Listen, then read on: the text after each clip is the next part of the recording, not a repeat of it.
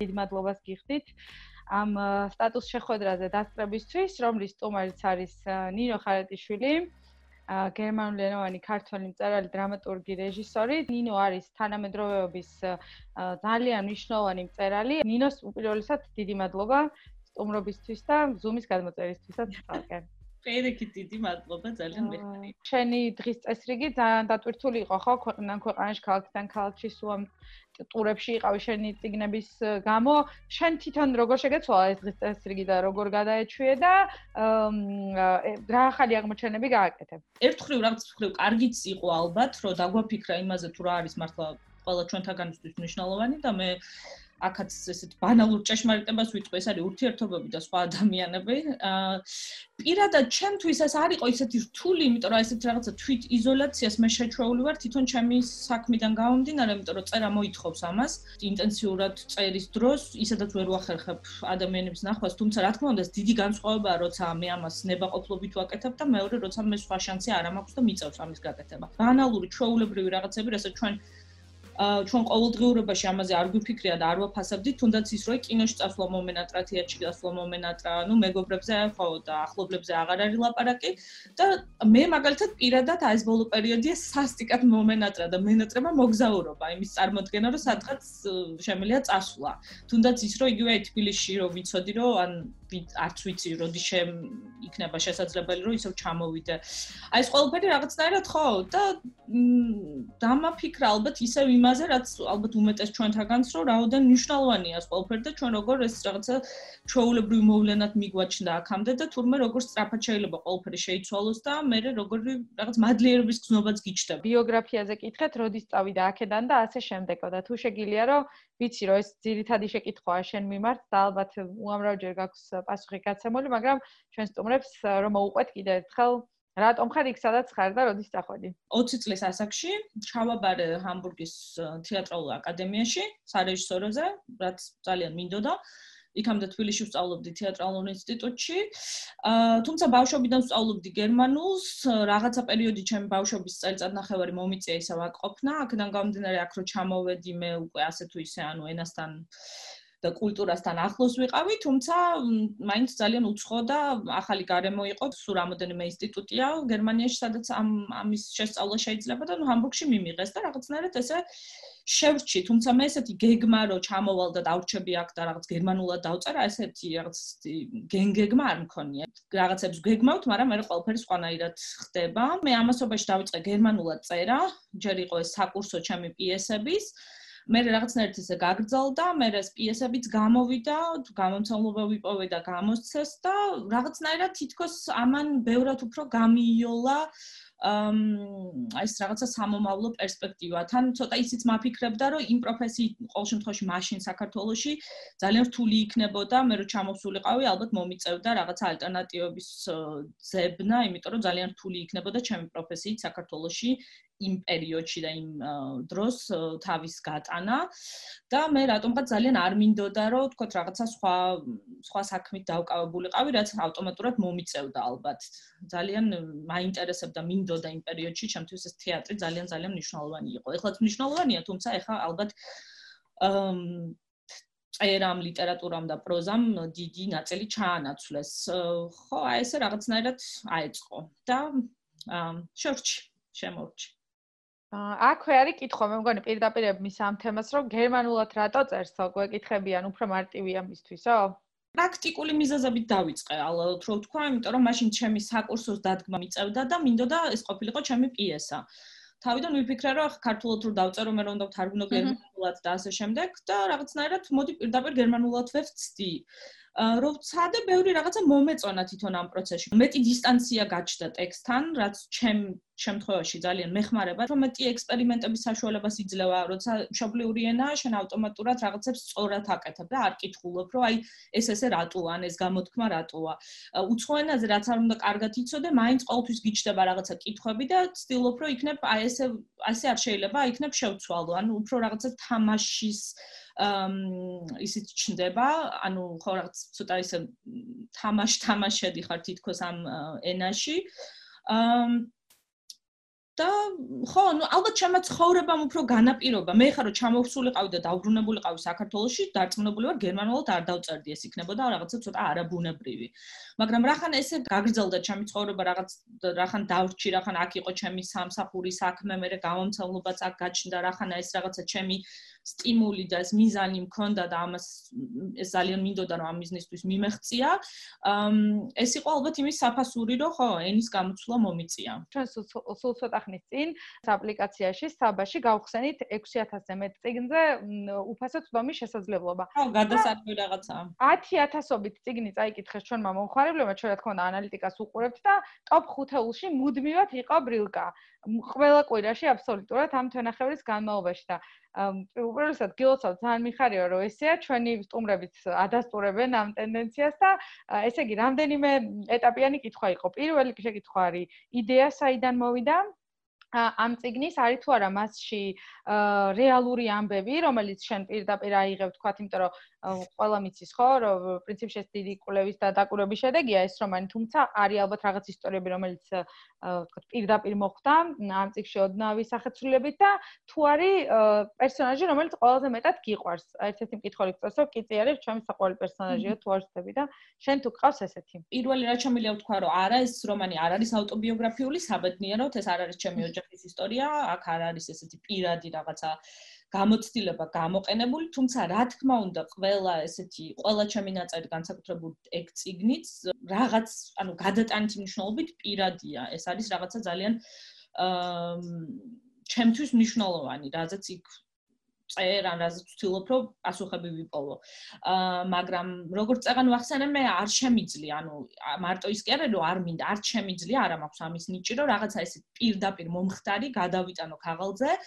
სხვადასხვა მიდგომა არსებობს ლიტერატურის შემთხვევაში ეს ესე არ არის. არიან ბევრი ძალიან კარგი ავტორები, რომლებიც ეს პირდაპირ თავიანთ ცხოვრებას, ვთქვათ, ეს გადააქვთ ქაღალდზე და მე ის მაინც რაღაც ლიტერატურა გამოდის. მე ყოველთვის ვჭირდება დისტანცია და ჩემ შემთხვევაში ფანტაზია, ანუ წარმოსახვის უნარი ბევრად უფრო ყოველთვის მიზიდავს და მაინტერესებს. რა და როგორ შეიძლება ყოფილიყო, ვიდრე როგორ იყო. ბრილკა შემთხვევაში დიდხანს ვეძებე, რა გზა შემეძლო მეპოვნა იმისთვის, რომ ერთხელ ბევრი ისტორიულ რაღაცაზეა დაფუძნებული, რა თქმა უნდა, მთელი ციგნი ფაქტიურად ესე, ანუ ციგნს მიყვება ფონად რეალური ისტორია. ჩვენი ქვეყნის და არა მარტო საბჭოთა მთელი მე-20 საუკუნე და რა თქმა უნდა ის ყველაფერი ინსპირირებულია ამ რაღაცა რეალური ამბებით, ფილტრის სახით ამას ყველაფერს ადევს ჩემი წარმოსახვა. და ხშირად ანუ დიდხანს ვეძებდი აი თუნდაც იმას რომ აი მიცაყვება ამ ისტორიას ანუ თანამედროვე პერსონაჟი ყვება ამ პერსონაჟის წარმოქმნა კი ისე რაღაცა ეფუძნება ამ რეალურ რაღაცა ფაქტებს მოვლენებს მაგრამ ეს დანარჩენი ყველა პერსონაჟი ფიქცია. დაიწყო ყველაფერი იმით რომ ალბათ ძალიან ბევრი რაღაცა მაინტერესებდა ბევრი რაღაცა არ ვიცოდი ხშირად მithქვამს ეს რომ რაღაც მომენტში აქ ცხოვრებისას გერმანიაში აღვიქვი რომ მე მე-20 საუკუნის შესახებ ბევრად მეტი რამე ვიცი უფრო დასავლური პერსპექტივიდან. მეორე მსოფლიო ომი და იქამდეც პერიოდი ფაქტიურად რაღაცა გერმანული პერსპექტივიდან უფრო ჩემთვის ნაცნობი იყო ვიდრე საკუთარი.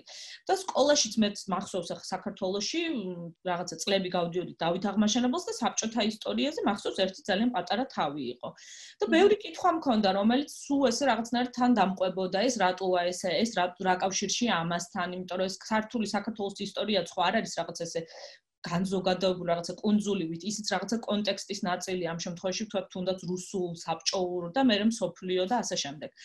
თუმცა მე რო დავიწყეს ყველაფერი, მინდოდა რაღაცა ერთ ოჯახზე, ალბათ რაღაცა საგას ფორმატი თავიდანვე მქონდა თავში, მაგრამ მე მეგონა რომ ეს იქნებოდა ალბათ რაღაცა 20 წლის ამბავი, უფრო ფოკუსირებული 80-იანი, 90-იანები, იმიტომ რომ ეს ის ეპოქა და პერიოდი იყო, რომელიც მე ძალიან კარგად მახსოვს, რომელშიც მე გავიზარდა და როგორც ალბათ ყველა იმ დროს ცხოვრებზე ჩემზეც დიდი რაღაც გავლენა იქონია და დაღი დამასვა, მაგრამ მე მივხვდი თუნდაც იმის გათვალისწინებით, რომ მე ვიცოდი, რომ ეს ციგნი, თქვა, პირველ რიგში გერმან, ანუ გერმანულად დაიწერებოდა და თუნდაც პირველი გერმანელი მკითხველი გაეცნობოდა, რომ ისინი ვერაფერს ვერ გაიგებდნენ, იმიტომ რომ მეც უკვე აღარ მესმოდა, რომ დავიწყე ამ ყოველფრის მოძიება.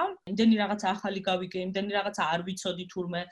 იმდენი რაღაცაზე მე მივხვდი, რომ აა ეს იმიტომ მოხდა, რომ იქამდე ეს მომხდარა და რაღაცნაირად ესე დროში ვიმოგზაურე, მივა მივადექი მე რევოლუცია 1917 წელს და რაღაცნაირად ესე უკვე მაშინ უკვე დაწყებული მქონდა უკვე პერსონაჟებიც არსებობდნენ და ვეღარ გავჩერდი და შევყავი და შევყავი და მე გამოვიდა ის რაც გამოვიდა. პერსონაჟებს რაც შეეხება, დიდი ბებია ამ ოჯახის, რა თქმა უნდა, ჩემთვის გამორჩეული იყო, თუნდაც იმიტომ რომ ძალიან დიდხანს დევდა თან ესე აჩრდილივით, იმიტომ რომ 99 წლის ხდება და ფაქტიურად დაბადებიდან გარდაცვალებამდე მქონდა რაღაცა ესე ძალიან საინტერესო იყო ეს პროცესი, იმიტომ რომ მეც არ მქონია იქამდე ესეთი აი რაღაცა ესეთი ფერების პალიტრა რო ვთქვათ, ესეთ ჩემთვისაც დიდი რაღაც საჩუქარი იყო, რომ მქონდა იმის შესაძლებლობა, რომ ეს ხალი აი ესეთ სხვადასხვა ასეოდენ სხვადასხვა პერსპექტივაში და ჭრილში დამენახა თუნდაც ასაკობრივი და ბიოგრაფიული მონაცემებიდან გამომდინარე. ბრილკასთან დაკავშირებით კიდე ორ კითხვას გავაერთიანებ. პირველი არის რაც შენ მოყევი ეს პროცესი დროში როგორ გამოიყურებოდა, ვთქვათ, რამდენი წელი მუშაობდი ამ რომანზე და მეორე იგეგმება თუ არა მისი გაგრძელება რაიმე ფორმით. ამას გვეკითხება რამდენიმე ადამიანი. 4 წელი მუშაობდი. აა თავიდან პირველი 2 წელი იყო, რომ ну მარტო ამას არ ვაკეთებდი, სხვა რაღაცებსაც ვაკეთებდი, თეატრში ვიყავი და ასე შემდეგ. მე ამ 2 წლის თავზე აღვიქვი, რომ მე თუ ეხა კლიანად არ გადავეშვი ამ მასალაში, მაშინ მთელი ცხოვრება ალბათ ვერ დავამთავრებ, ამიტომ ყველაფერი გადავდე გვერდზე. და რაღაცა საბედნიეროდ სტიპენდია მქონდა, რომელთაც ვიკვლევდი, ანუ მე მომეცა საშუალება, რომ ფაქტურად ხო არ მომიწია მუშაობა, სხვა რაღაცების გაკეთება ფინანსების გამო, ამიტომ სტიპენდიით მე წავედი, ვიყავი ძალიან დიდხანს რუსეთში, მოსკოვში, პეტერბურგში, რა თქმა უნდა, თბილისშიც ვიმუშავე რაღაცა ნაწილი, მე ერთი პერიოდი პრაღაში ვიყავი, ბელგრადში ვიყავი. გაგრძელება ამას ბევრი მეკითხება, არ არის გეგმება, მე ვთვლი რომ ეს იქნება ცუდი, არ იქნება სწორი, იმიტომ რომ მე რისი თქმაც მინდოდა ვთქვი, რა თქმა უნდა, ისტორიას რომ მიუყვეთ, ესე შეიძლება ამის დაუსრულებლად გაგრძელება, მე გაიზდება ბრილკა და იმას ეყოლება შვილი და ასე შემდეგ. კარიელი ფურცელი მგონია რომ ყველაზე თამიმდევრული ბოლო იყო, რაც შეიძლება და მე შემერჩია ამ ციგნისთვის. თუმცა ამ ციგს აქვს ჩემ დასაბედნიეროდ ძალიან ბევრი სიცოცხლე, 8-ზე მეტი. ძალიან ბევრი ენაზე გამოდის და ესე რაღაცნაირად აგრძელებს ცხოვრებას და იგეგმება ეხლა არ ვიცი რამდენად ოფიციალურად ამის თქმის უფლება მაქვს მაგრამ ვიტყვი. კონკრეტულს ჯერ ვერ ვიტყვი მაგრამ იგეგმება გადაღება ამ ყველაფრის სერიალად. რა თქმა უნდა ეს გრძელვადიანი პროცესია ეხლა ეს რომ როცა მოეწერება ხელი მე სანამ სცენარი დაიწერება და სანამ დაიწყება გადაღება და ასე შემდეგ მაგრამ ერთ რაღაცაზე შეთანხმებული ვართ რომ გადაღებები უნდა ჩატარდეს საქართველოში. როგორ წერდი ამ რომანს ეტაპობრივი რაღაცები ვიცი და აი მაგალითად არაზროს არ ვიცი ერთი ფურცლიდან მეორეზე როგორ გადავხტები და რა მოხდება შუაში არ ვიცი. ეს არის ინტუიციური ინტუიციური პროცესია, თუმცა ბრილკა შემთხვევაში ვიცოდი რომ ეს წიგნი უნდა დამთავრდეს ცარიერი ფურცლით. იქამდე როგორ მივალ ეგ არ ვიცოდი, მაგრამ ეგ თავიდან ვიცოდი. ასევე ვიცოდი რომ იქნება რაღაცა ექვსი თაობა და ვიცოდი რომ ედრობითი სქესის ბავშვები გაჩნდებიან ამ ოჯახში. ეს იყო რაც ესე თავიდანვე ვიცოდი. რაღაც ხრი გამიოლდა ამ შემთხვევაში ქრონოლოგია, იმიტომ რომ მე ფაქტობრივად მართლა რეალურად ისტორიულ მოვლენებს მიუყვებოდი. ანუ რაღაცეები თვითონ ისტორია მიკარნახა. ბევრი რაღაცა თვითონ პროცესის დროს ჩნდება. უბრალოდ სტრუქტურა მქონდა, ვიცოდი რომ ეს უნდა იყოს მოთხრობილი დღევანდელი პერსპექტივიდან.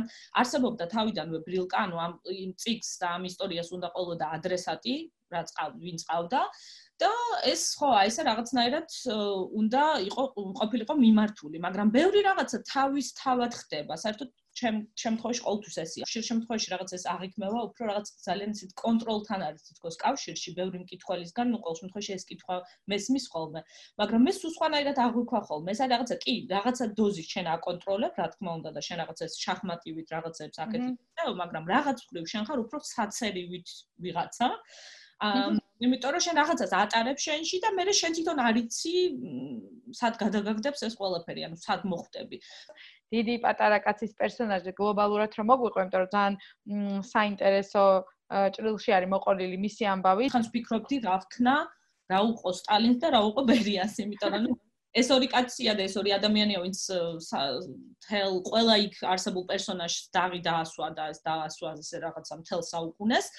და ორივე ქართველი და ორივე რაღაცა ჩვენ ამბებთან დაკავშირებული. თქმა უნდა, ბატონ ბერიაზე არსებობს მილიონი მითი და ისტორიები და ასე შემდეგ. ფაქტია, რომ თუნდაც ეს ყველაფერი ეს რაღაცა კლიშეები და ეს მითებიც რაღაცას ყოველთვის ეფუძნება. მე არ მინდოდა მისი რაღაც ფსიქოლოგიურად როგორც პერსონაჟის შემოყვანა. მე ფაქტობრივად შევეცადა მისი აღწერა იმ ქალების და იმ გარშემოყოფების პერსპექტივით, ვისთანაც ეს კაცი შედის რაღაცა კონტაქტში და ნუ ქრისტინა რა თქმა უნდა მთავარი ცენტრალური პერსონაჟია ვინც მასთან ხო, ვისაც ურთიერთობა აქვს მასთან პირდაპირ. რუსულად თუ არის სავარაუდოდ ბრილკა თარგმნილი, იმიტომ რომ მაგ პერიოდში არის ეს კითხვა მოწერილი და მეორე კვლევის შემდეგ თუ ჩახო თუ ხარ ნამყოფი რუსეთში და დიდად არაფერი შეცვლილა საბჭოთა ეპოქის მერეო ჩვენი სტუმარი გვეუბნება და რაიმე სიურპრიზი ხო არ დახვდა როგორც ქართ წარმოშობით ქართულსო. რუსეთთან სულ იყო რაღაც კითხვები ხშირად და ეხლა გავიგე რომ მოაწერეს ხელი და ერთ-ერთი დიდი ანუ რუსეთში მიემგზავრება ბრილკა. ხო, მიინტერესო როგორ აღიქვამენ. ძალიან მაინტერესებს. ძალიან ამბივალენტური დამოკიდებულება მქონდა, მაგრამ მაინც ძალიან გამიხარდა, იმიტომ რომ ვთვლი რომ უფრო კარგია რომ გამოიცეს, ვიდრე არ გამოიცეს. დარწმუნებული ვარ რომ ბრილკა შემდეგი ციგნი კატო და გენერალი არ გამოიცემა არასდროს რუსეთში, იმიტომ რომ ეს არის ჩეჩნეთის ომის თემაზე. ინსპირირებული ანა პოლიტკოვსკაის რეალურ ამბავზე დაფუძნებული რაღაც ისტორიით და რუსეთში ვიყავი ზუსტად მაგის ნიადაგზე, თუმცა ჩეჩნეთში ვიყავი ჩასული და მანდ მქონდა ერთი ორი არც ისე სასიამოვნო ინციდენტი. მაგრამ ეს ალბათ უფრო ჩემს პროფესიას და ჩემს იქ საქმიანობას და რატო ვიყავი საერთოდ ჩასული უკავშირდებოდა, ვიდრე ჩემს რაღაც წარმომავლობას. თვითონ ჩეჩნებს პირიქით ძალიან უხაროდათ და ქართველებზე გიждდებიან და პირიქით ძალიან სტუმართ მოყარე ხალხია და კარგად მიმიღეს. მაგრამ ძალიან შემაძრწუნებული, ანუ მე ძალიან ბედნიერი ვარ, რომ ჩავედი იქ და ამ ყველაფერს რაღაცა ჩემი თვალით ნახე, მაგრამ რა თქმა უნდა, რაღაცა დისკომფორტთან და შიშთანაც იყო ეს ყველაფერი დაკავშირებული. მას მე აღარ ვარ ჩასული, არ ყოფილ ვარ. ვთქვათ, ევროპელმა მკითხველმა როგორ აღიქვა ეს ტექსტი? ალბათ ყველაზე მეტი პერიოდი სწორედ მათთან ქონა, ხო, შეხება იმდენაირი შეფასება მოდის და რაღაცა ფიდბეკი რო ვერც ვიტყვი, არ ვიცი, ძალიან დამოკიდებულია ხშირად ასაკზე. კაცია თუ ქალია. რა თქმა უნდა, უნივერსალური ალბათ ის რაც ყველას აინტერესებს, ეს არის თემა ოჯახი. ბევრი ადამიანი კითხულობს, იმიტომ რომ რაღაც ისტორია აინტერესებს. ბევრისგან გამიგია, რომ უი ეს ყველაფერი მე არ ვიცოდი და უი ეს ესე ყოფილა და ანუ ეს რაღაცა ინტერესი იმ დახურული ფარდის, რასაც თქვათ, რკინის ფარდა ერქვა და გეოგრაფიული დისტანციის და ასე შემდეგ და საბჭოთა კავშირის ზეთან დაკავშირებული ეს მთელი რაღაცა მითების და არსებული წარმოდგენების გადამოწმება, ან შეიძლება რაღაც კონტექსტში დამსხვრევაც, მე მახსოვს ჩემი გამომცემლობის შეფასებას, როცა ჩავაბარეს ხელნაწერი პირველად. და მაშინაც ძალიან ბევრი გაკვირვებული რეაქციები რომ უი ეს ესე იყო თქვენთან აა ეს ამას ესე აღიქვავდნენ. ან ძალიან ბევრი რაღაცა ახალი ინფორმაცია და ბევრი ალბათ ბევრისგან რაც მე პირადად ყველაზე მეტად მიხარია ეს არის რაღაცა ემოცია რომ აი ეს ამან ესე როგორ შეეხო როგორ რაღაცა ანუ უფრო ეს ემოციური ასპექტი ალბათ ამ რომანის და იმ ემოციებშიც ალბათ ძალიან ბევრი განსხვავება ვის რა ემოცია უჩნდება შეიძლება ეს რაღაცა წენაც იყოს ბრაზიც იყოს შეიძლება ზოგს რაღაცა გული აუჩუქდეს ან რაღაცა ეთკინოს ან რაღაცა სხვანაირად აღიქვას ვინ არიან შენთვის საინტერესო თანამედროვე ავტორები, როგორც ქართველი, ისე ვთქვათ, საერთაშორისო? ბევრს კითხულობს, სულ რაღაცა ვცდილობ, რომ რაც გამოდის, ასე თუ ისე გავეცნო. საქართველოს მე მგონი ბევრი საინტერესო ავტორი ყავს.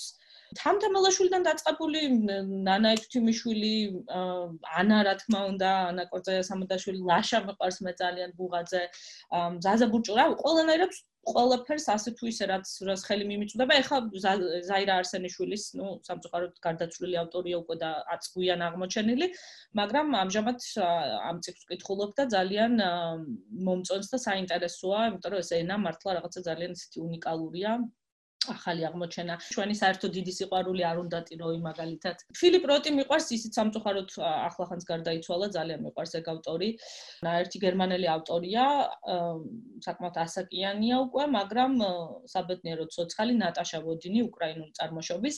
საოცრად იმოქმედა იმ ციგნმა. რა ვიცი, მე მგონია რომ ბევრი საინტერესო რაღაცა იწერება და ჩემს საყვარელ ორეულზეც გვაქვს რამდენიმე შეკითხვა, როგორც ჩანს ბრილკას მერე სტატისტიკურად ყველაზე კარგად აქტიურად საკითხული წიგნია ჩვენ სტუმრებში და აქაც დაახლოებით ისეთივე შეკითხები როგორც ბრილკაზე არის თუ არა რეალური ამბები, ყავს თუ არა მთავარ გმირს რეალური პროტოტიპი და ცოტა რომ მოგვიყვეს ამ წიგნზე. არა, არც ერთი ჩემი წიგნი არ არის ესე რეალური ავტობიოგრაფიული, კიდევ ერთხელ ვიმეორებ, თუმცა რა თქმა უნდა, ყველაფერი წერ არის რაღაცა დოზით პირადი. პირადი არ ნიშნავს რომ მე გადამხდა ეს თავზე, მაგრამ იქ აღწერილი ემოციები ჩემთვის ახლობელია და მეც ისევე მткиვა ის რაღაცა მაწუხებს, იმს რაღაცაზე ვფიქრობ, ის რაღაცა მიშლის ნერვებს და ასე შემდეგ. ანუ ეს ესე რომ არ იყოს, ალბათ მე არ მგონია და არ მჯერა იმის, რომ რამე ფასეული შეიძლება შეიქმნას ხელოვნებაში თუ ეს რაღაცა ესეთი ამას აკეთებ რაღაცისთვის, ვიღაცისთვის, ან რაღაცა კონიუნქტურისთვის, რომ ეხლა ეს თემაა აქტუალური და ამიტომ მოდი ეხლა როგორც რაღაცა ვთქვა ახალ ამბებში და დავწერ.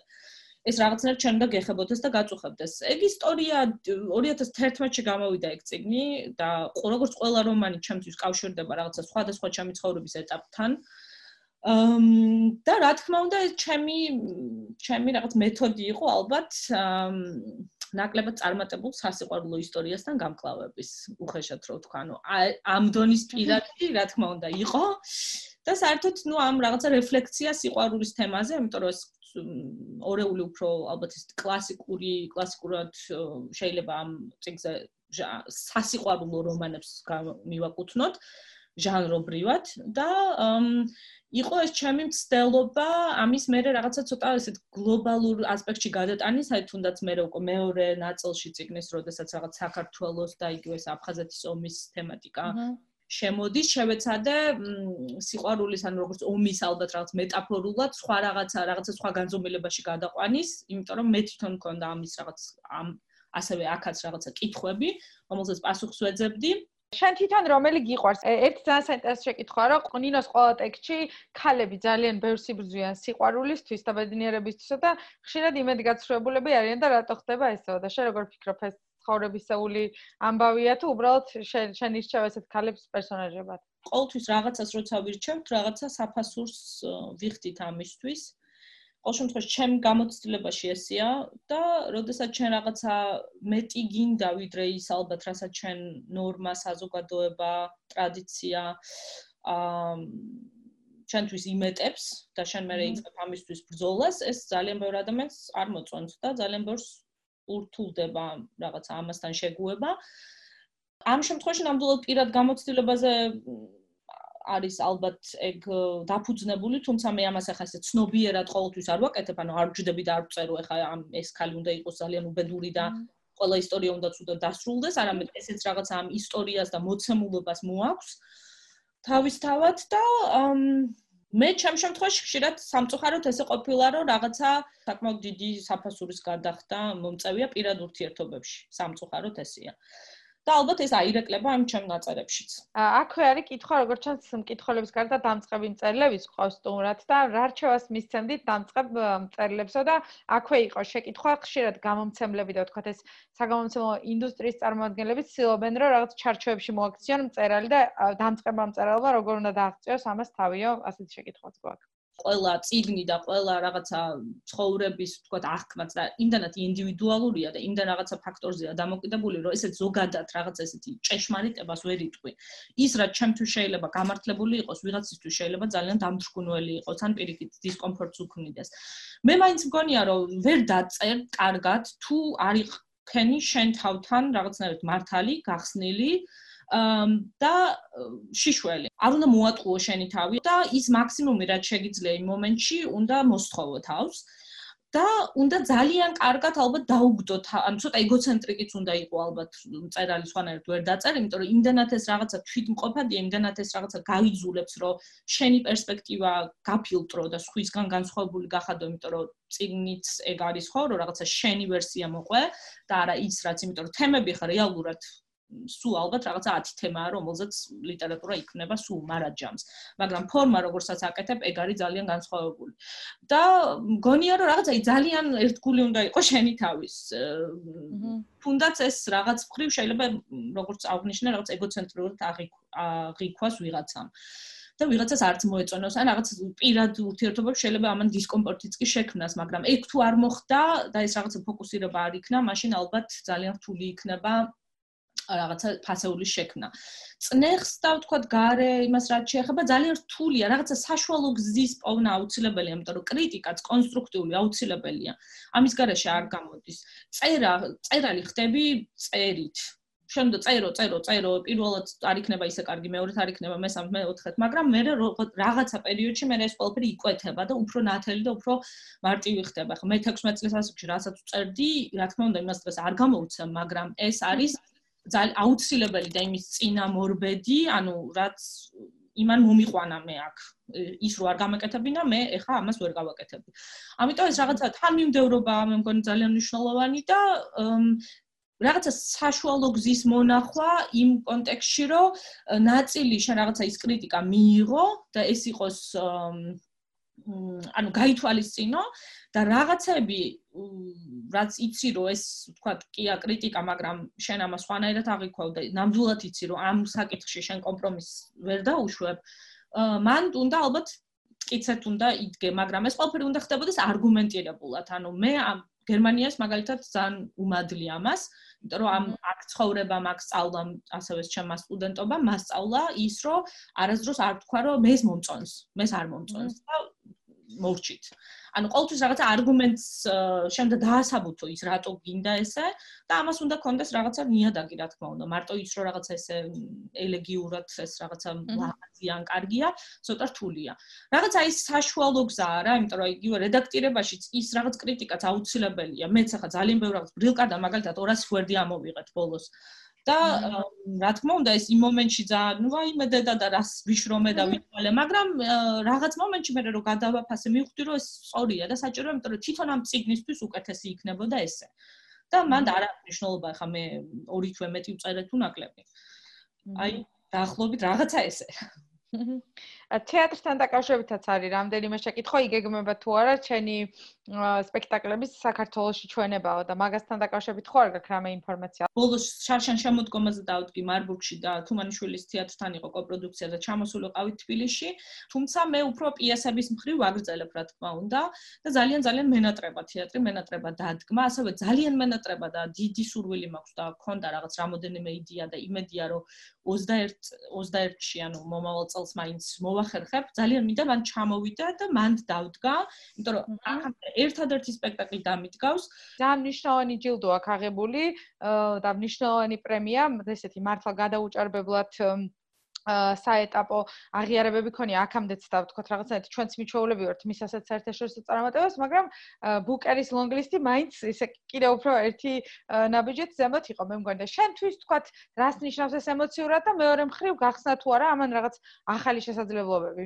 რა თქმა უნდა ძალიან ძალიან გამიხარდა, იმიტომ რომ მართლა საოცრებად ახლა ნუ ჩემთვისაც ბუკერი იყო რაღაცა ყოველთვის რაღაცა მიუღწეველი და კავშირდებოდა რაღაცა სალმარაშტისთან და აა არ უნდა ტიროისთან და ჩემ თავს ვერასდროს მაგ იმაში ვერ მოვიაზრებდი.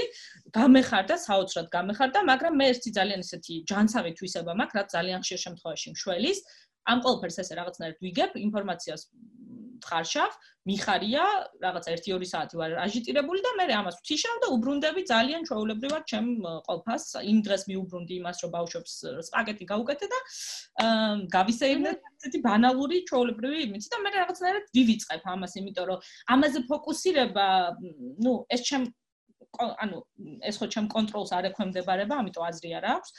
მადლიერის მადლიერების შეგრძნება მქონდა პირველ რიგში, გამიხარდა ასევე რომ ძალიან ისე მე მომიხსენიეს როგორც ქართველ გერმანელი მწერალი და არა როგორც გერმანელი ლონგლისტის გამოცხადების შემდეგ ბევრმა იყიდა ანუ კონტრაქტს მოწერა ხელი და ბევრმა იყიდა საავტორო უფლებები. დიდი მადლობა ნინო რო დრო გამონახე ჩვენთან შესახვედრად